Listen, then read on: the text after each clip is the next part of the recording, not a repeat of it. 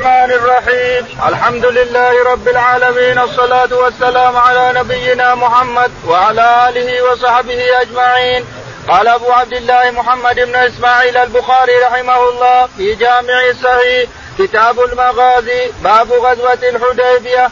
وقول الله تعالى لقد رضي الله عن المؤمنين إذ يبايعونك تحت الشجرة. الآية قال رحمه الله حدثنا خالد بن مخلد قال حدثنا سليمان يعني ابن بلال قال حدثني صالح بن كيسان عن عبيد الله بن عبد الله عن زيد بن خالد رضي الله عنه قال خرجنا مع رسول الله صلى الله عليه وسلم عام الهديبيه فأصابنا مطر ذات ليلة فصلى لنا رسول الله صلى الله عليه وسلم الصبح ثم أقبل علينا بوجهه فقال أتدرون ماذا قال ربكم؟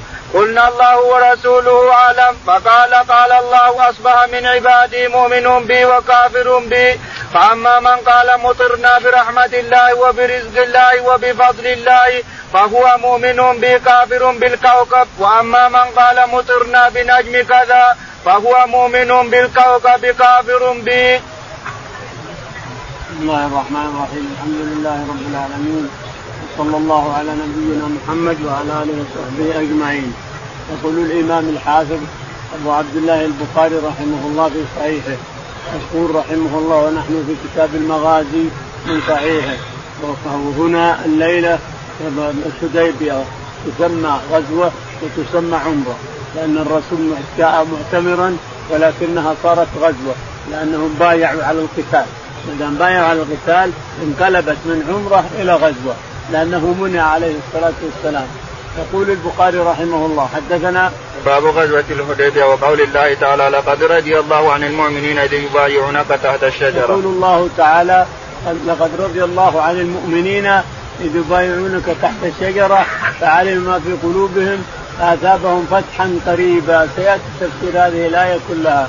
يقول رحمه الله حدثنا خالد بن مخلد. خالد بن مخلد قال حدثنا سليمان بن بلال. سليمان بن بلال قال حدثنا صالح بن كيسان. صالح بن كيسان قال عن عبيد الله بن عبد الله. عن عبيد الله بن عتبة قال حدثنا عن زيد بن خالد. عن زيد بن خالد الجواني رضي الله عنه يقول خرجنا مع النبي عليه الصلاة والسلام إلى يعني يقصدون الحديبية.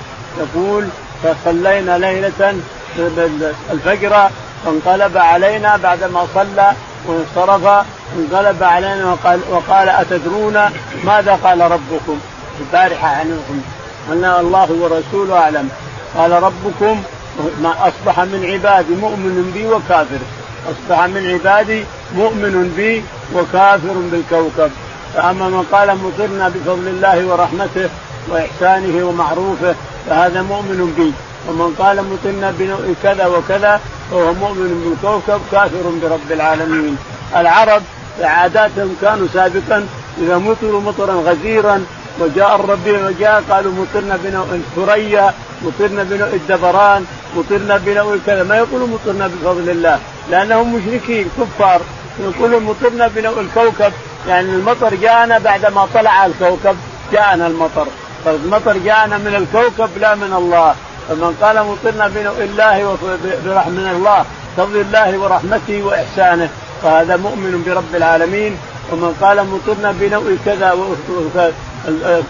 الدبران أو الثريا أو الجوزة أو أي كوكب من كواكب السماء يقول مطرنا بهذا النوع والنوع هذا هو اللي أمطرنا فهو كافر برب العالمين مؤمن بالكوكب إلى آخره. هذا قاله يقول إنه في الليلة البارحة حصل هذا من رب العالمين نعم.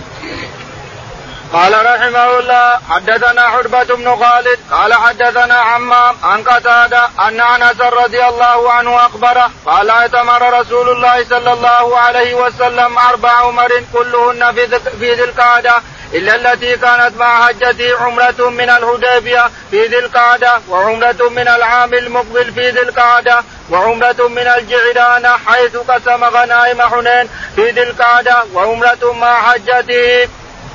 يقول البخاري رحمه الله حدثنا عتبة بن خالد. عتبة بن خالد قال حدثنا حمام. حمام قال حدثنا قتادة. قتادة قال عن أنس رضي الله عن أنس رضي الله تعالى عنه قال قال اعتمر رسول الله صلى الله عليه وسلم أربع عمر كلهن في ذي القعدة. اعتمر رسول الله عليه الصلاة والسلام أربع عمر كلها في ذي القعدة.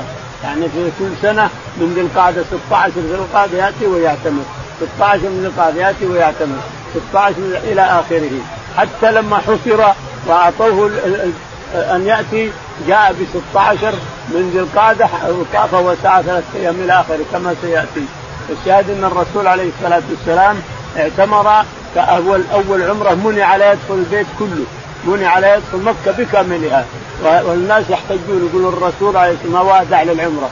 كيف يوادع؟ هذا الرسول حصر عن مكة كلها فكيف يوادع؟ الثانية عمرته الثانية أخرج بالقوة. جاء هنا وأراد أن يتبنى بميمونة فرفض المشركون واخرجوه بالقوة. ما ما أمداه يوادع. والثالثة جاء عليه الصلاة والسلام معتمرا من اوطاس بعدما قسم الغنائم جاء ليلا وحده وطاف وسعى واكتفى بالركن. ركن العمره يدخل الطواف الوداع بالركن. الاصغر يدخل بالأكبر. وخرج عليه الصلاة والسلام ولم يدري عنه أحد إلا إنه هو الذي حدثه والرابعه اعتمر مع عمرته وودع للحج والعمرة سوا سوا لأنه مقارن لأنه قارن الحج والعمرة فاعتمر سوا سوا العمرة لابد لها من وداع ولا حجة لهذه المسائل. أفعال الرسول عليه الصلاة والسلام كلها معروفة أفعاله رضي الله عليه الصلاة والسلام. لكن أنا يا المسلم ما الذي يصدني لا أوادع إذا اعتمرت لماذا لا أوادع؟ لماذا؟ ما الحجة فيها؟ ما الحجة؟ وما الدليل أني لا أوادع للعمرة؟ الرسول عليه الصلاة والسلام يقول للأعرابي اصنع في عمرتك ما تصنع في حجتك. اصنع في عمرتك ما تصنع في حجتك والوداع من فعل الحجة إلى آخره نعم قال رحمه الله حدثنا سعيد بن الربيع قال حدثنا علي بن المبارك عن يحيى عن عبد الله بن أبي عن عبد الله بن أبي قتادة أن أباه حدثه قال انطلقنا مع النبي صلى الله عليه وسلم عام الهديبية فأحرم أصحابه ولم أحرم. يقول البخاري رحمه الله حدثنا سعيد بن الربيع. سعيد بن الربيع قال حدثنا علي بن المبارك. علي بن المبارك قال عن يحيى. عن يحيى قال عن عبد الله بن أبي قتادة. عبد الله بن أبي قتادة قال أن أباه حدثه قال انطلقنا مع النبي صلى الله عليه وسلم عام الهديبية فأحرم أصحابه ولم أحرم. يقول علي بن قتادة إن النبي عليه الصلاة والسلام انطلق عام الحديبيه فأحرمه وأصحابه ولم يحرم ابا قتاده، لماذا؟ لأن الرسول عليه الصلاة والسلام أرسله إلى السيف ومعه جماعة. ثم أتى خرج من السيف وجاء وصاد حمار وحشي كما مر مرنا في الصيد. أنه ضارب حمارا وحشيا واعطى قومه المحرمون يأكلون فرفضوا حتى يسألوا الرسول. وبعد ذلك استفتوا بعضهم بعض فأكلوا شووه واكلوا وأخذ فخذا للرسول أعطاه إياه فاكله النبي عليه الصلاة والسلام. معناه أنه ما أحرم الناس أحرم من الحليفة وهو أحرم من الجحفة أو من أحرم من الجحفة ذلك اليوم لأن الإحرام من الحليفة أو من الجحفة كله جائز. لو أن إنسان جاء من المدينة ما أحرم وأراد أن يحرم من الجحفة يحرم من الجحفة جائز هذا. فالشاهد أن أبا قتادة رضي الله تعالى عنه أرسله النبي للسيف. الرسول عليه الصلاة والسلام ارسله للسيف ينظر قريش وما يمر عليها وما يفعلون لأنه جاء معتمر جاء معتمر محرم أحرم معتمر ما هو ما عنده قتال ولا نوى قتال عليه الصلاة والسلام. فذهب أبو قتادة ومعه رفقته على فرس له حتى وصل إلى السيف وطاف السيف كله ثم رجع إلى الرسول وقابله قبل أن يصل. وهو محرم. فأخبره أن الطريق ما في أحد.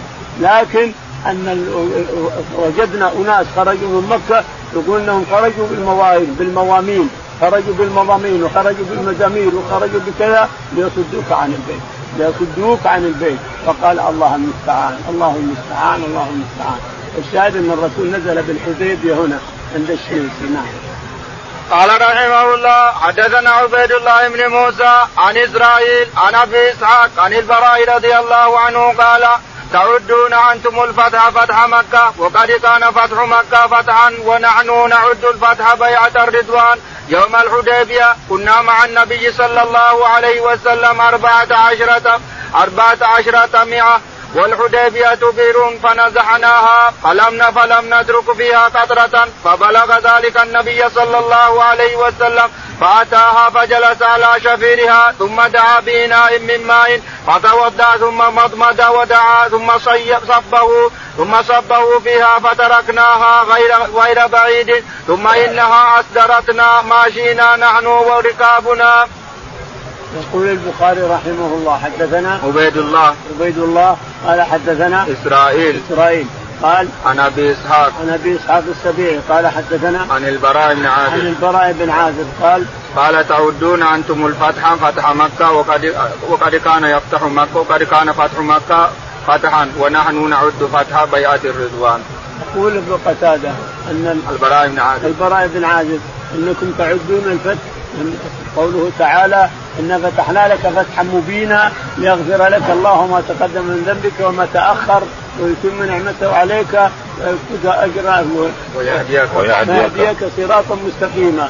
تعدون هذا الفتح فتح مكة. فنحن نعده فتح الحديبية حين بايع الرسول عليه الصلاة والسلام المسلمون أربع عشرة نفر. أربع ألف وأربعمائة وأربع أربعة نفر يعني ألف وأربعمائة الذين بايعوا عليه الصلاة والسلام. هو الفتح اللي نعده إن فتحنا لك فتحا مبينا. هذا هو الفتح لا فتح مكة. فتح مكة صحيح أنه جاء لكن ما هو المقصود بالآية؟ الآية إنا فتحنا لك فتحا مبينا جاءت بعدها بعد غزوة الحديبية.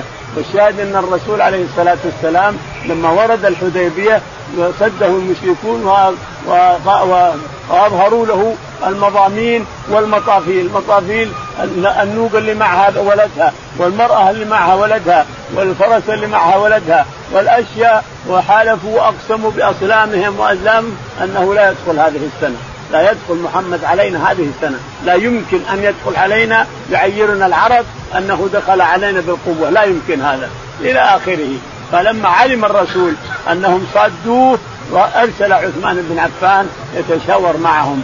فبلغه أن عثمان قتل. لما بلغه أن عثمان قتل بمكة وقال يلا بايعوني خلاص ما هنا إلا المناقزه ما دام عثمان قتل ما هنا إلا المناقزه بايعوني. فهذا هو سبب البيعة وسبب المبايعة بيعه الرضوان هو غيبة عثمان رضي الله تعالى عنه. لأنه أرسله يتشاور معهم ويتهاون معهم ويعلمهم أنه ما جاء لقتال لكن بلغه أنه قتل عثمان. قال ما دام قتلوه لازم نناقشهم خلاص ندخل عليهم مكة بالقوة.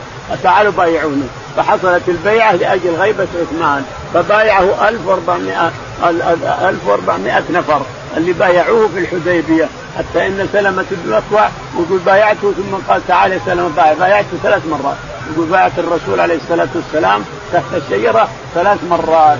الشاهد أن اللي بايعه قرابة 1400 نفر من الصحابة رضي الله عنهم المهاجرين والأنصار. نعم. فنزعناها فلم نترك فيها قدرة فبلغ ذلك النبي صلى الله عليه وسلم. يقول وردنا الحديبية ووجدنا فيها بئرا ليس فيها ماء إلا قليل. يقول فأتينا نريد الماء الإبل ونحن والخيل نبي ماء. يقول فلم نجد شيئا. فأخبرنا الرسول عليه الصلاة والسلام فجاء بركوة وصبها عليه وتفل بها وقال تعالوا فصار حط يده عليها فصار يفور من بين اصابعه حتى روينا نحن الأوادم وروينا الخيل وروينا قربنا وروينا الإبل. وارتوى الجيش كله نعم قال رحمه الله حدثني محمد بن يعقوب فضل حدثني فضل بن يعقوب قال حدثنا الحسن بن محمد بن أعين أبو علي الحراني قال حدثنا زهير قال حدثنا أبو إسحاق قال أنبأنا البراء بن عازب رضي الله عنهما أنهم كانوا مع رسول الله صلى الله عليه وسلم يوم الحديبية 1400 1400 وأكثر وأكثر وأكثر. فنزلوا على بئر بئر فنزهوها. فأتوا النبي صلى الله عليه وسلم. فأتى البئر وقعد على شفيرها. ثم قال أتوني بدلو من مائها؟ فأتي به فبسط فدعا. ثم قال دعوها ساعة. فأرووا أنفسهم وركابهم حتى ارتحلوا. يقول البخاري رحمه الله حدثنا الفضل بن يعقوب. الفضل بن يعقوب. قال حدثنا الحسن بن محمد. الحسن بن محمد قال زهير بن معاوية. زهير بن معاوية قال أبو إسحاق السبيعي. أبو إسحاق السبيعي قال عن البراء بن عازب عن البراء رضي الله تعالى عنه قال وصلنا إلى الحديبية وجاء وصلنا إلى بير ليس فيها إلا قليل من الماء تبض بضا. يقول فجعلنا نروي فيها لكن ما يطلع ماء فأخبرنا الرسول عليه الصلاة والسلام قال اتوني بماء منها من دلو منها الدلو مليان ماء من مائها. يقول فأخرجنا ماء من مائها فأخذ فيه وبصق فيه وبرك فيها ثم قال صبوه فيها ودعوها ساعة. يقول لما أخذنا قليلا كنا نروي منها وروينا أنفسنا وإبلنا وخيلنا وجميع من معنا. إلى آخره. قال رحمه الله حدثنا يوسف بن عيسى قال حدثنا ابن فضيل قال حدثنا حسين عن سالم عن جابر رضي الله عنه قال عطش الناس يوم الحديبية ورسول الله صلى الله عليه وسلم بين يديه ركوة فتوضأ منها ثم أقبل الناس نحوه فقال رسول الله صلى الله عليه وسلم ما لكم؟ قالوا يا رسول الله ليس عندنا ما نتوضأ به ولا نشرب إلا ما في ركوتك إلا ما في ركوتك. فوضع النبي صلى الله عليه وسلم يده في الركوة فجعل الماء يفور من بين أصابعه كأمثال العيون. قال فشربنا وتوضأنا. قلت لجابر كم كنتم يومئذ؟ قال لو كنا مئة ألف لكفانا. كنا كنا خمسة عشر مئة. يقول البخاري رحمه الله حدثنا يوسف بن عيسى. يوسف بن عيسى. قال حدثنا محمد بن فضيل. محمد بن فضيل. قال حدثنا حسين. حسين. قال حدثنا عن سالم. عن سالم قال عن جابر رضي الله عن جابر رضي الله تعالى عنه أن النبي عليه الصلاة والسلام وصل إلى الحديبية. يقول جابر وصلنا إلى الحديبية وجلسنا على بئر من آبارها. فلم نجد ماء ما وجدنا ماء وتجمع الناس على ركوة مع الرسول عليه الصلاة والسلام فقال فتجمعوا على الرسول فقال ما لكم عليه الصلاة والسلام؟ قالوا ما لنا ما عندنا ما نشرب ولا عندنا ما نتوضأ إلا من ركوتك هذا اللي بين يديك قال فادخل يده في الركوة وجعل أصابعه فيها وجعل الماء يفور من بين أصابعه. يقول فروينا واسقينا خيرنا وإبلنا وأنفسنا من هذا الماء اللي بين أصابع الرسول عليه الصلاة والسلام. قال كم كنتم؟ قال كنا خمسة عشر. قال كم كنتم؟ قال كنا خمسة عشر يعني 1500 حديث جابر 1004 جائز هذا جائز حديث البراء حديث البراء. حديث البراء 1004 حديث هنا يقول 1005 طيب.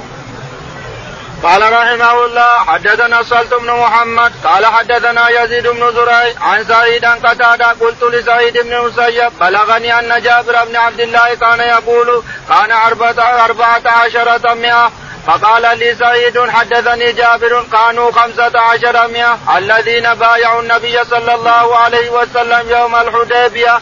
قال أبو داود حدثنا قراء عن قتادة تابعه محمد بن بشار. قال حدثنا أبو داود قال حدثنا شوبة قال حدثنا علي قال حد قال حدثنا سفيان قال عمرو وسمعت جابر بن عبد الله رضي الله عنهما قال قال لنا رسول الله صلى الله عليه وسلم يوم الهديبية أنتم خير أهل الأرض وكنا ألفا وأربعمائة. ولو كنت أبصر اليوم لأرأيتكم لأرأيتكم مكان الشجرة؟ تابعه الأعمش سمع سالما سمع جابرا.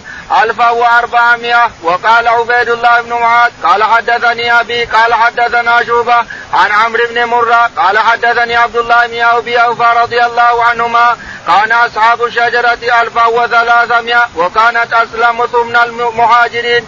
تابعه محمد بن بشار قال حدثنا أبو داود قال حدثنا شعبة يقول البخاري رحمه الله حدثنا أسلت بن محمد. أسلت بن محمد قال حدثنا يزيد بن زريع. يزيد بن زريع قال عن سعيد. عن سعيد قال حدثنا عن قتادة. عن قتادة قال قتادة قلت لسعيد بن المسيب بلغني أن جابر بن عبد الله كان يقول كان أربع عشرة مئة يقول إن بلغني أن سعيد بن المسيب يقول كان جابر يقول 1400 يعني 14 14 400 يعني 1400 قال فاللي قال إنهم 1005 أو قال 1004 كله لا خلاف بين هذا. لأن اللي أدى لأنهم كانوا 1004 عند المبايعة. ثم جاء اناس زيادة وبايعوا. بعدما انتهت المبايعة بايعوا أيضا. قراب 100 فاختاروا 1005 واللي قال 4 1004 ما كذب واللي قال 1005 ما كذب. لأن صاحب السيرة ابن إسحاق رحمه الله يقول صارت المبايعه وناس ما حصلوا من غفار يقول فأتوا فبايعوا أيضا فتم 1500 فمن قال 500 ما كذب ومن قال 400 ما كذب. فاللي بايعه عند غيبة عثمان. والسبب كله أن عثمان ذهب إلى مكة يخاطب قريش وأنه الرسول ما جاء لقتال وإنما جاء للطواف والبيت والسعي وتعظيم الكعبة. فجاءه الخبر أن عثمان قتل فقال اذا نناجزهم خلاص ندخل عليهم بلدهم ونقاتلهم في وسط بلدهم نناجزهم لكن أتى عثمان رضي الله عنه ما في خلاف. أتى عثمان لما جاء عثمان انتهت البيعة. قبل عثمان والرسول عليه الصلاة والسلام جعل يده اليمنى لعثمان على يده اليسرى لعثمان وهو غايب فالشاهد إن البيعة صارت ل 1005 أو 1004 كله واحد. نعم. فقال لي فقال لي سعيد حدثني جابر كانوا خمسة عشر مئة. يقول حدثني جابر كانوا خمسة عشر يعني أنهم 1400 15 يعني 1500 جائز هذا نعم. تابعه محمد بن بشار قال حدثنا أبو داود. تابعه محمد بن بشار قال حدثنا أبو داود قال قال حدثنا شوبه شعبة عن عن علي قال عن علي قال قال حدثنا سفيان. قال حدثنا سفيان قال قال عمرو سمعت جابر بن عبد الله رضي الله عنه قال قال لنا رسول الله صلى الله عليه وسلم يوم الحديبية أنتم خير أهل الأرض وكنا 1400 يقول إننا قال له علي إننا كنا قال لنا الرسول عليه الصلاة والسلام أنتم خير أهل الأرض ذلك الساعة. يعني أنتم يا أهل المكان خير أهل الأرض. فقلت له كم كنتم؟ قال لو كنا مئة ألف. كنا خمسة عشر ألف. أربعة عشر. أربعة يعني ألف وأربعمائة ولو كنت أبصر اليوم لرأيت لرأيتكم كنت أبصر اليوم لأن كثير من الصحابة رضي الله تعالى عنهم قط أعينهم الماء الأبيض. ولا هناك طبة مثل اليوم. اليوم الماء الأبيض يزيلونه الناس إلى طبة. لكن أول إذا حصل الماء الأبيض على عين الإنسان كعب بن مالك وجابر وكثير من الصحابة رضي الله عنهم عمي قبل أن يموت. يقول لو كنت أبصر اليوم لأريتكم مكان الشجرة التي في الحديبية. الشجرة قطعها عمر رضي الله عنه. الشجرة لما علم عمر بن الخطاب رضي الله عنه أن الناس يزورونها يتبركون فيها ناس قطعوها مرة واحدة فلا حد يدري أين هي. حتى إن بعض الصحابة يقول أنتم تعلمون محل الشجره والصحابة ما يعلمون محلها. الصحابة ما يدري وين محلها. قطعت خلاص وأنتم تعلمون محلها تروحون تزورونها؟ هذا معناه تعمق في, في, في, في الآثار. نعم. قال عبد الله بن أبي أوفى كان أصحاب الشجرة 1300 وكانت أسلم ثم المهاجرين. يقول ابن أبي أوفى كان كان اللي بايعوا الرسول عليه الصلاة والسلام 1300 نعم. وكانت أسلم من المهاجرين كانوا الألف ثم ثم ثم المهاجرين. ثم المهاجرين. لكن 1300 غلط. الذي ذكر ابن اسحاق هو الصحيح. 1400 تأكد هذا على أنهم 400 ما زادوا عن هذا. نعم. قال رحمه الله حدثنا إبراهيم بن موسى قال أخبرنا عيسى عن إسماعيل عن قيس أنه سمع مرداس الأسلمي يقول وكان من أصحاب الشجره يقبض الصالحون الأول فالأول وتبقى حفالة كحفالة التمر والشعير لا يعبأ الله بهم شيئا.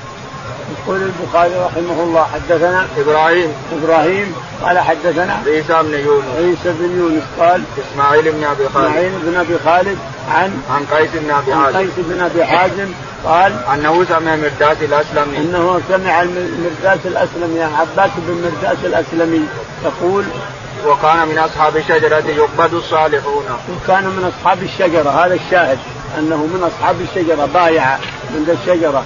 قال يقبض الصالحون الأفضل الأمثل فالأمثل. يقبل يقبض الصالحون الأمثل يعني الأرض يقبض منها الصالحون الأمثل فالأمثل ويبقى بعد ذلك حثالة.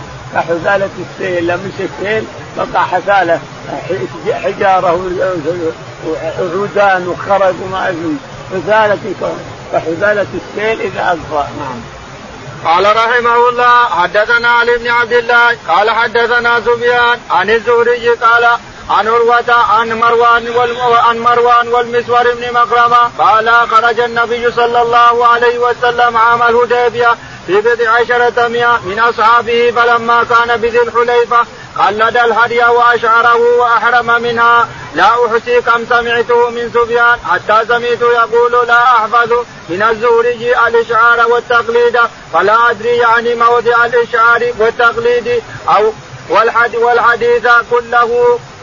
يقول البخاري رحمه الله حدثنا علي بن عبد الله. علي بن عبد الله قال حدثنا سفيان بن عيينة. سفيان بن عيينة قال عن الزهري. عن الزهري قال عن عروة. عن عروة قال عن مروان عن عن مروان بن الحكم والمسور بن الحكم المسور بن مخرمة قال خرج النبي صلى الله عليه وسلم عام الهديبية في بضع عشرة مئة من أصحابه فلما كان بذي الحليفة قلد الهدي وأشعره. وأحرم منها. يقول خرج الرسول عليه الصلاة والسلام إلى إلى مكة يريد العمرة معتمرا.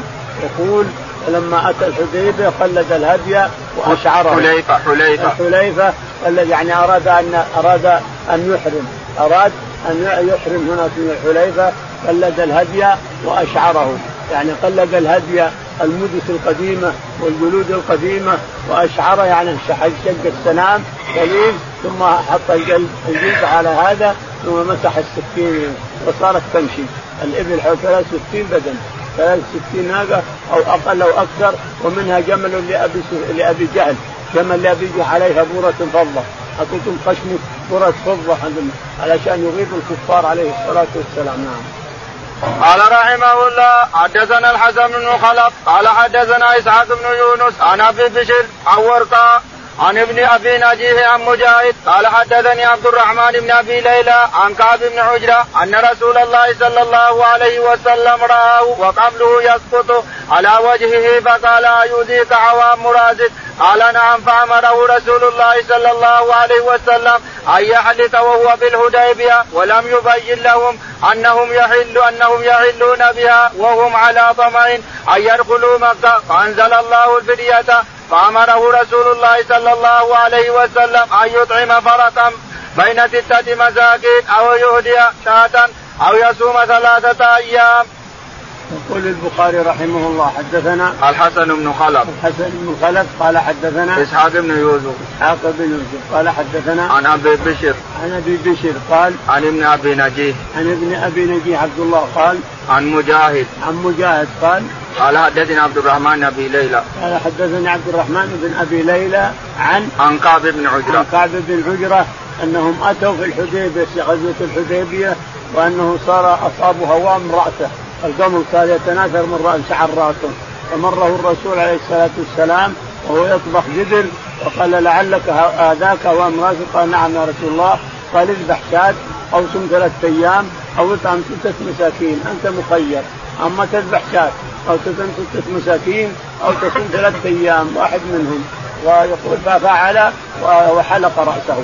هو محرم. حلق رأسه حينئذ للأذى. نعم. قال رحمه الله حدثنا إسماعيل بن عبد الله قال حدثني مالك عن زيد بن أسلم عن أبيه قال خرجت مع عمر بن الخطاب رضي الله عنه إلى السوق فلحقت عمر فلحقت عمر امرأة شابة فقالت يا أمير المؤمنين هلك زوجي وترك صبيه صغارا والله ما ما ينتجون ما ينتجون قراعا ولا لهم درع ولا ضرع وخشيت أن تأكلهم الضبع وأنا وأنا بنت خفاف بن ايما الغفاري وقد شهدا في الحديبية مع رسول الله صلى الله عليه وسلم فوقف مع عمر فوقف معها عمر ولم يمضي ثم قال مرحبا بالنسب بنسب قريب.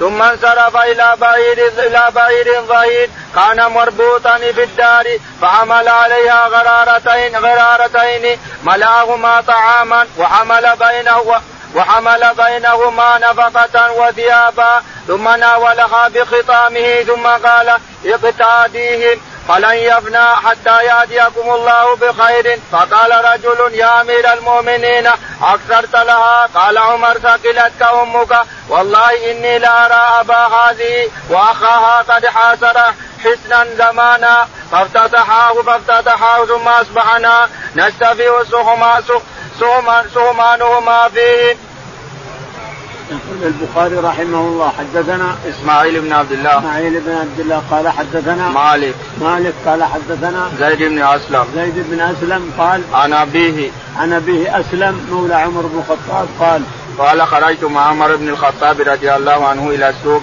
فلحقت امرأة عمر امرأة شابة فقالت يا أمير المؤمنين هلك زوجي وترك صبيه صغارا والله ما ينضجون قراعا ولا لهم زرع ولا ضرع وخشيت أن تأكلهم الضبع.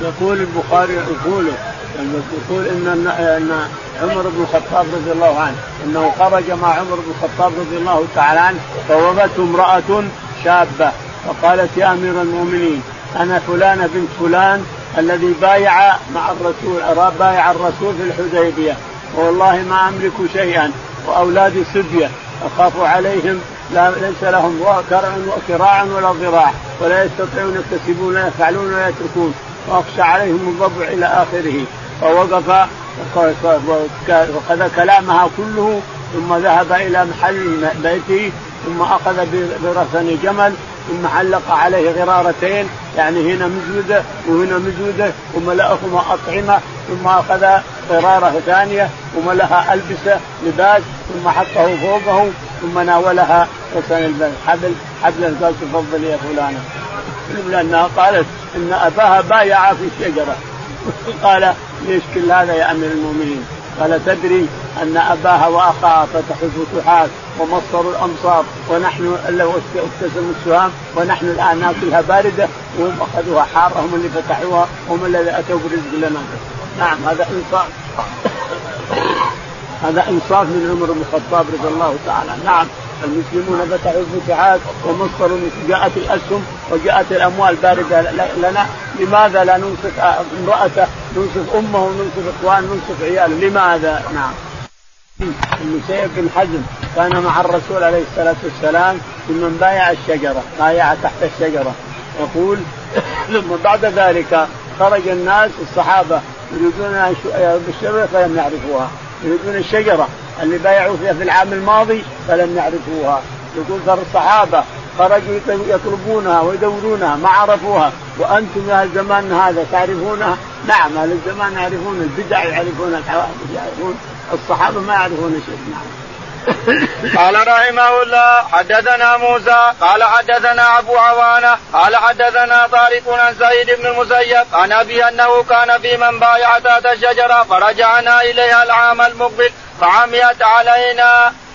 يقول البخاري رحمه الله حدثنا موسى. موسى قال حدثنا أبو عوانة. أبو عوانة قال عن طارق. عن طارق قال عن سعيد بن المسيب. عن سعيد بن المسيب قال عن أبيه. عن أبيه المسيب بن حزم قال كان في من بايع تحت الشجرة فرجعنا إليها العام المقبل فعميت علينا. يقول أنه كان من أصحاب الشجرة وبايع تحتها الرسول عليه الصلاة والسلام يقول فبعد سنة رجعنا إليها ندورها ما لقيناها. عميت علينا.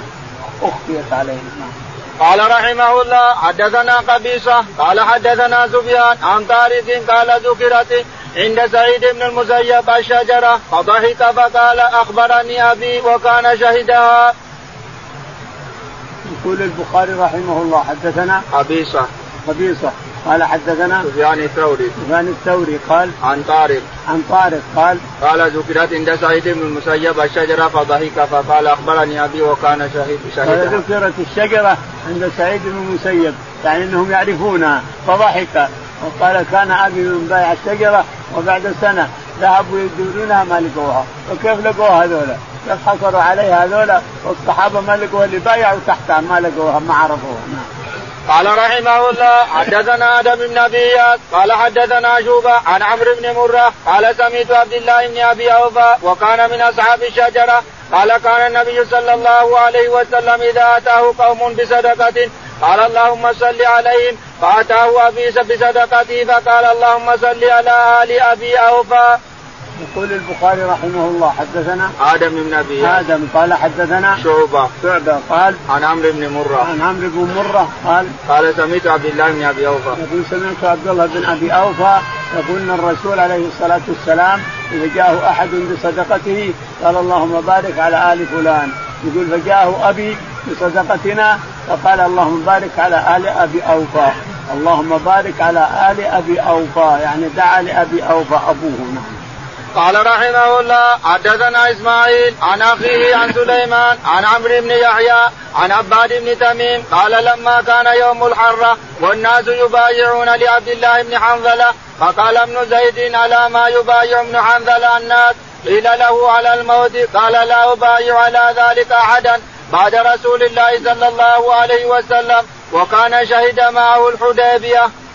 يقول البخاري رحمه الله حدثنا إسماعيل. إسماعيل قال حدثنا عن أخيه أبو عن أخيه قال حدثنا سليمان بن بلال. سليمان بن بلال قال عن عمرو بن يحيى. عن عمرو بن يحيى قال عن عباد بن تميم. عن عقد بن تميم قال قال لما كان يوم الحرة والناس يبايعون لعبد الله بن حنظلة. يقول لما كان يوم الحرة يعني غزوة الحرة وقتال الحرة مع مسلم بن مسرف مسرف بن قتيبة الذي قاتل علشان يزيد بن معاوية. رفضوا أن يبايعوا يزيد فأرسل جيوش يرأسهم مسلم بن مسرف بن قتيبة. الشاهد جاء عباس فقال على ما يبايع الناس؟ قالوا على الموت. قال لا بايعت على الموت بعدما باعته الرسول عليه الصلاة والسلام. هذا يرى أن الصحابة بايعوا الرسول على الموت.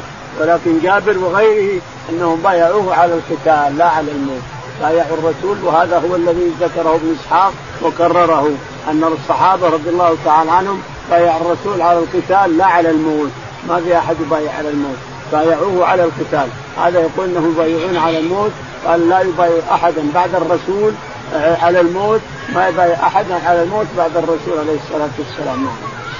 قال رحمه الله حدثنا يحيى بن يعلى المحاربي قال حدثنا أبي قال حدثنا إياس بن سلمة بن الأكوع قال حدثني أبي قال وكان من أصحاب الشجرة قال كنا نصلي مع النبي صلى الله عليه وسلم الجمعة ثم ننصرف وليس للحيطان ظل نستظل فيه.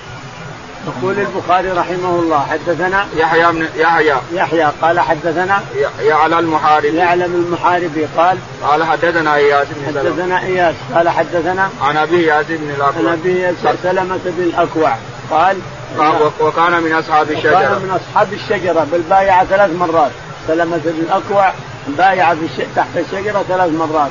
يقول وكان من أصحاب الشجرة. يقول إننا كنا نصلي الجمعة. مع الرسول عليه الصلاة والسلام وننصرف وليس للحيطان ظل. يعني كان الجمعة يصليها الرسول بدري. ينصرفون الناس والحيطان ما صار لها ظل إلى الآن. نعم. قال رحمه الله حدثنا قتيبة بن سعيد قال حدثنا حاتم عن يزيد بن أبي عبيد قال قلت لسلمة بن الاكوع على أي شيء بايعتم رسول الله صلى الله عليه وسلم يوم الحديبية؟ قال على الموت. يقول البخاري رحمه الله حدثنا قتيبة. قتيبة قال حدثنا حاتم. حاتم قال حدثنا يزيد بن أبي عبيد. يزيد بن أبي عبيد قال حدثنا قال قلت لسلمة بن الأكوع قال قلت لسلمة بن الأكوع على ما بايعتم الرسول عليه الصلاة والسلام قال على الموت. بايع بعضهم يقول بايع على الموت وبعضهم يقول بايع على القتال. قال رحمه الله حدثنا أحمد بن اشكاب قال حدثنا محمد بن فضيل عن العلاء بن المسيب عن أبيه قال لقيت قال لقيت البراء بن عازب رضي الله عنهما فقلت طوبى لك صحبت النبي صلى الله عليه وسلم وبايعته وبايعته تحت الشجرة فقال يا ابن أخي إنك لا تدري ما أحدثنا بعده. يقول البخاري رحمه الله حدثنا أحمد بن اشكاب أحمد بن اشكاب قال حدثنا محمد بن فضيل. محمد بن فضيل قال حدثنا عن العلاء بن المسيب. عن العلاء بن المسيب قال حدثنا عن أبيه. عن أبيه المسيب قال قال لقيت البراء بن عازب. قال لقيت البراء بن عازب وقلت إن أنت ممن بايع تحت الشجرة. قال يا أخي لقد فعلنا أفعال بعدها. فعلنا أفعال قد إنها تنسخ لاعمال اعمالنا هذه. يعني ما يجوز أن ندلي بعملنا هذا على الله. أن فعلنا أفعال قد لا تقبل باياتنا تحت إلى آخره. وهذا يجب على كل مسلم أن يتواضع بعمله. عملت عمل لوجه الله يجب أن تتواضع بعملك. لا تدلي به على الله تعالى وتقدس فيحبط عملك حتى لو كان كثير. يحبط العمل إذا أدليت به على الله تعالى وتقدس. فهذا من التواضع يقول يا أخي لقد عملنا اعمالا بعد ما المبايعة فلا ندري لو هذه الأعمال أسقطت أجرنا إلى آخرنا. قال رحمه الله حدثنا إسحاق قال حدثنا يحيى بن صالح قال حدثنا معاوية وهو ابن سلام عن يحيى عن أبي قلابة أن ثابت بن الضحاك أخبره أنه بايع النبي صلى الله عليه وسلم تحت الشجره يقول البخاري حدثنا إسحاق. إسحاق قال حدثنا يحيى. يحيى قال حدثنا معاوية بن سلام. معاوية بن سلام قال عن أبي قلابة. عن أبي قلابة قال عن ثابت بن الضحاك. عن ثابت بن الضحاك نعم. أخبره أنه بايع النبي صلى الله عليه وسلم تحت الشجرة. أخبره ثابت بن الضحاك أخبره أنه بايع النبي عليه الصلاة والسلام تحت الشجرة نعم. قال رحمه الله حدثنا أحمد بن إسحاق قال حدثنا حدثنا عثمان بن عمر قال أخبرنا شوبه عن قتادة عن أنس بن مالك رضي الله عنه إنا فتحنا لك فتحا مبينا قال الحديبية قال أصحابه هنيئا مريا فما لنا فأنزل الله ليدخل المؤمنين والمؤمنات جنات تجري من تحتها الأنهار. قال شعبة فقدمت الكوفة فحدثت بهذا كله. عن قتادة ثم رجعت فذكرت له فقال أما إنا فتحنا لك إنا فتحنا لك. فعن انس وأما هنيئا مريعا. فعن عكرمه يقول البخاري رحمه الله حدثنا أحمد بن إسحاق. أحمد بن إسحاق قال حدثنا عثمان بن عمر. عثمان بن عمر قال عن شعبه عن شعبة قال عن قتاده عن قتاده قال عن أنس بن مالك. عن أنس بن مالك رضي الله تعالى عنه قال إنا فتحنا لك فتحا مبينا قال الهديبية. في تفسير قوله تعالى إنا فتحنا لك فتحا مبينا قال هي الحديبية ليست مكة إنما هي الحديبية. والدليل على هذا أن عمر رضي الله عنه كان يكلم الرسول ثلاث مرات والرسول لا يرد عليه حتى تقدم وبعد ذلك زهمه أتى قال عمر عمر جاء. وقال إنها أنزلت علي سورة أحب إلي من كذا وكذا. إنا فتحنا لك فتحا مبينا ليغفر لك الله ما تقدم من ذنبك وما تأخر. ويجزيك صراط مستقيم إلى آخر السورة. قال أفتح يا رسول؟ الله قال نعم إلى آخر قال أصحابه هنيئا مريئا. قال أصحابه هنيئا مريئا نعم. فما أعطاهم الله تعالى الغفران والجنة. الأصحاب اللي حضروا والأصحاب اللي ما حضروا. أعطاهم الله الغفران والجنة. قال شعبة فقدمت الكوفة فحدثت بهذا كله عن قتادة ثم رجعت فذكرت له فقال أما إنا فتحنا فعن أنس وأما هنيئا مريا فعن إكرمة. يقول إني ذهبت إلى الكوفة حدثت بالحديث هذا كله ثم رجعت سألته فقال أما قوله فهنيئا مريا فعن إكرمة نعم. قال رحمه الله حدثنا عبد الله بن محمد قال حدثنا أبو عامر قال حدثنا إسرائيل عن مجزاة عن مجزاة بن زاهر الأسلمي عن أبيه وكان ممن شهد الشجره قال إني لا أوقد تحت القدر بلحوم الحمر إذ نادى منادي رسول الله صلى الله عليه وسلم إن رسول الله صلى الله عليه وسلم ينهاكم عن لحوم الحمر وعن مجدات عن رجل منهم من أصحاب الشجرة اسمه أوبان ابن أوس وكان اشتكى ركبته وكان إذا سجد جعل تحت ركبته وساده. يقول البخاري رحمه الله حدثنا عبد الله. عبد الله قال حدثنا أبو عامر. أبو عامر العقدي قال إسرائيل. حدثنا إسرائيل قال عن مجزأة بن زاهر. مجزأة بن زاهر. زاهر قال عن أبيه. عن أبيه زاهر قال وكان ممن شهد الشجرة. وكان أبوه ممن شهد الشجرة بيعة الشجرة. قال قال إني لأوقد تحت تحت القدر بلحوم الحمر. قال إني لأوقد تحت القدر بلحوم الحمر. فنادى منادي الرسول عليه الصلاة والسلام أن الحمر تدور فإن لحومها محرمة لحوم الحمر الأنسية محرمة. هذا حصل في خيبر. وخيبر نعم نعم هنا ينهاكم عن لحوم الحمر. إن الله ينهاكم عن لحوم الحمر. كيف أنه حصل؟ الحديبة سنة ست من الهجرة وخيبر سنة ثمان. فكيف حصل مرة ثانية بخيبر يطلقون لحوم الحمر الآنية أعتقد هنا الحديث هذا في شك نعم قال رحمه الله حدثنا محمد بن بشار قال حدثنا ابن أبي عدي عن شعبة عن يحيى بن سعيد عن بشير بن يسار عن سويد بن النعمان وكان من أصحاب الشجرة قال كان رسول الله صلى الله عليه وسلم وأصحابه أوتوا بسويق فلقوه تابعه معاذ عن شعبة. يقول البخاري رحمه الله حدثنا حدثنا عباد بن عباد. قال قال حدثنا محمد بن بشار. محمد بن بشار. قال حدثنا ابن أبي عدي. ابن أبي عدي. قال عن شعبة. عن شعبة. قال عن يحيى بن سعيد الأنصاري. يحيى بن سعيد الأنصاري. قال حدثنا بشير بن يسار بشير بن يسار قال عن سويد عن سويد بن النعمان سويد بن النعمان قال وكان من أصحاب الشجرة وكان من أصحاب الشجرة يعني بايعوا تحت الشجرة سويد بن النعمان وأخوانه سبعة بايعوا تحت الشجرة نعم. وأصحابه أوتوا بسويق فلاكوه. أصحابه أوتوا بسويق فلاكوه يعني أكلوه في الطريق نعم.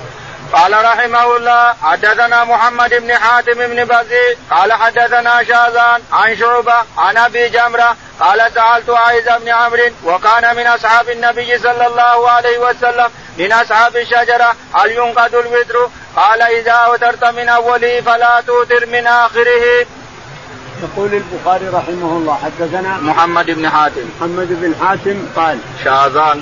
حدثنا شاذان قال عن شعبة. حدثنا شعبة قال عن أبي جمرة. عن أبي جمرة نصر بن عمران قال سألت عايذ بن عمرو عايذ بن عمرو. سألت عايذ بن عمرو هل ينقض الوتر إذا صليت الوتر أول الليل؟ أصل لي آخر الليل؟ قال لا إذا صليت أول الليل لا تسأل آخر الليل لأنك تنقضه صحيح. إذا صليت الوتر أو ترت أول الليل بعد صلاة العشاء ثم ذهبت أيقظك الله آخر الليل فلا تنقض الوتر. إلا إن أحببت أن توتر وتر جديد يعني الأول تحط تصلي ركعة مع الركعة اللي مضت ثم تصلي تصلي تصلي ثم بعد ذلك تأتي بركعة واحدة. معناك إنك نقضت الوتر. نعم. قال رحمه الله حدثنا عبد الله بن يوسف قال أخبرنا مالك عن زيد بن أسلم عن أبيه أن رسول الله صلى الله عليه وسلم كان يسير في بعض أسفاره وكان عمر بن الخطاب يسير معه ليلا فسأله عمر بن الخطاب عن شيء فلم يجبه رسول الله صلى الله عليه وسلم ثم سأله فلم يجبه ثم سأله فلم يجبه. وقال عمر بن الخطاب ثقلتك أمك يا عمر. نذرت رسول الله صلى الله عليه وسلم ثلاث مرات كل ذلك لا يجيبك. قال عمر فعرقت بعيري ثم تقدمت أمام المسلمين وخشيت أن ينزل في قرآن فما نشبت أن سمعت صارخا. يصرخ بي قال فقلت لقد خشيت أن يكون نزل في قرآن وجئت رسول الله صلى الله عليه وسلم فسلمت فقال لقد أنزلت علي الليلة سورة لهي أحب إلي مما طلعت عليه الشمس ثم قرأ إنا فتحنا لك فتحا مبينا. يقول البخاري رحمه الله حدثنا عبد الله بن يوسف. عبد الله بن يوسف قال حدثنا مالك. مالك. قال عن زيد بن أسلم عن زيد بن أسلم قال عن أبيه عن أبيه أسلم مولى عمر قال أن رسول الله صلى الله عليه وسلم كان يسير في بعض أسفاره وكان عمر بن الخطاب يسير معه. يقول إن عمر بن الخطاب إن الرسول عليه الصلاة والسلام كان يسير في بعض أسفاره وكان عمر والصحابة يسيرون معه. فسأله عمر عن مسألة يا رسول الله ما كذا وكذا يا رسول الله ما كذا وكذا ولم يجبه يا رسول الله ما كذا ولم يجبه. ثلاث مرات يقول ثكلتك أمك يا يا عمر يقول فتقدمت أمام الجيش وخشيت أن ينزل فيه القرآن. يقول فلم ألبث جاء الصارخ عمر بن الخطاب فأتيت قلت نعم يمكن نزل في. ولما أتيت الرسول عليه الصلاة والسلام قال إني أنزل أنزل علي الآن سورة احب علي مما طلعت الشمس. إنا فتحنا لك فتحا مبينا. ليغفر لك الله ما تقدم من ذنبك وما تأخر ويتم نعمته عليك ويهديك صراطا مستقيما إلى آخر السورة فهي احب علي مما طلعت الشمس. قلت افتح يا رسول الله؟ قال نعم في بعض رواية البخاري افتح يا رسول الله؟ قال نعم. قال رحمه الله حدثنا عبد الله بن محمد قال حدثنا سفيان قال سمعت الزهري حين حدث هذا الحديث حفظت بعضه وثبتني معمر عن عروة بن الزبير عن المسور بن مخرمة ومروان بن الحكم يزيد أحدهما على صاحبه قال خرج النبي صلى الله عليه وسلم عام الحديبية في بضع عشرة مئة من أصحابه فلما أتى هذا الحليفة قلد الهدي وأشعره وأحرم منها بعمرة وبعث عينا له من خزاعة وسار النبي صلى الله عليه وسلم حتى كان بغدير بغدير بغدير الأشطاط.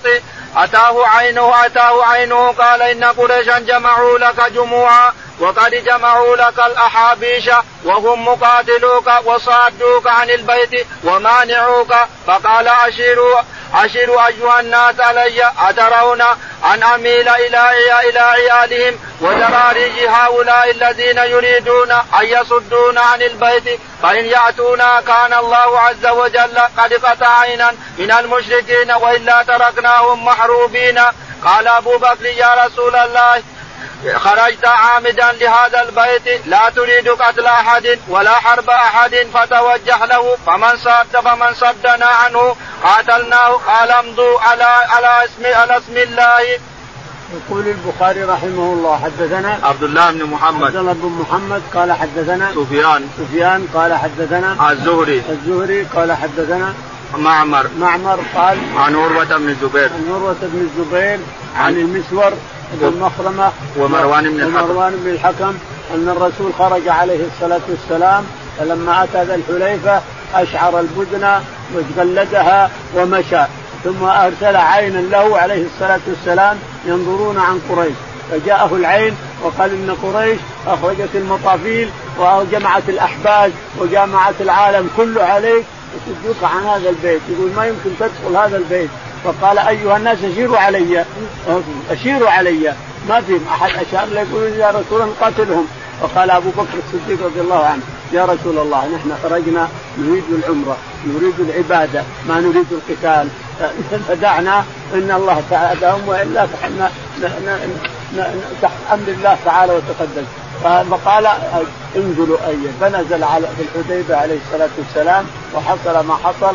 من الاتفاقات والمراسلات بينه وبينهم وسياتي هذا كله. اللهم اهدنا فيمن هديت وعافنا فيمن عافيت وتولنا فيمن توليت. اللهم توفنا مسلمين وألحقنا بالصالحين رب العالمين.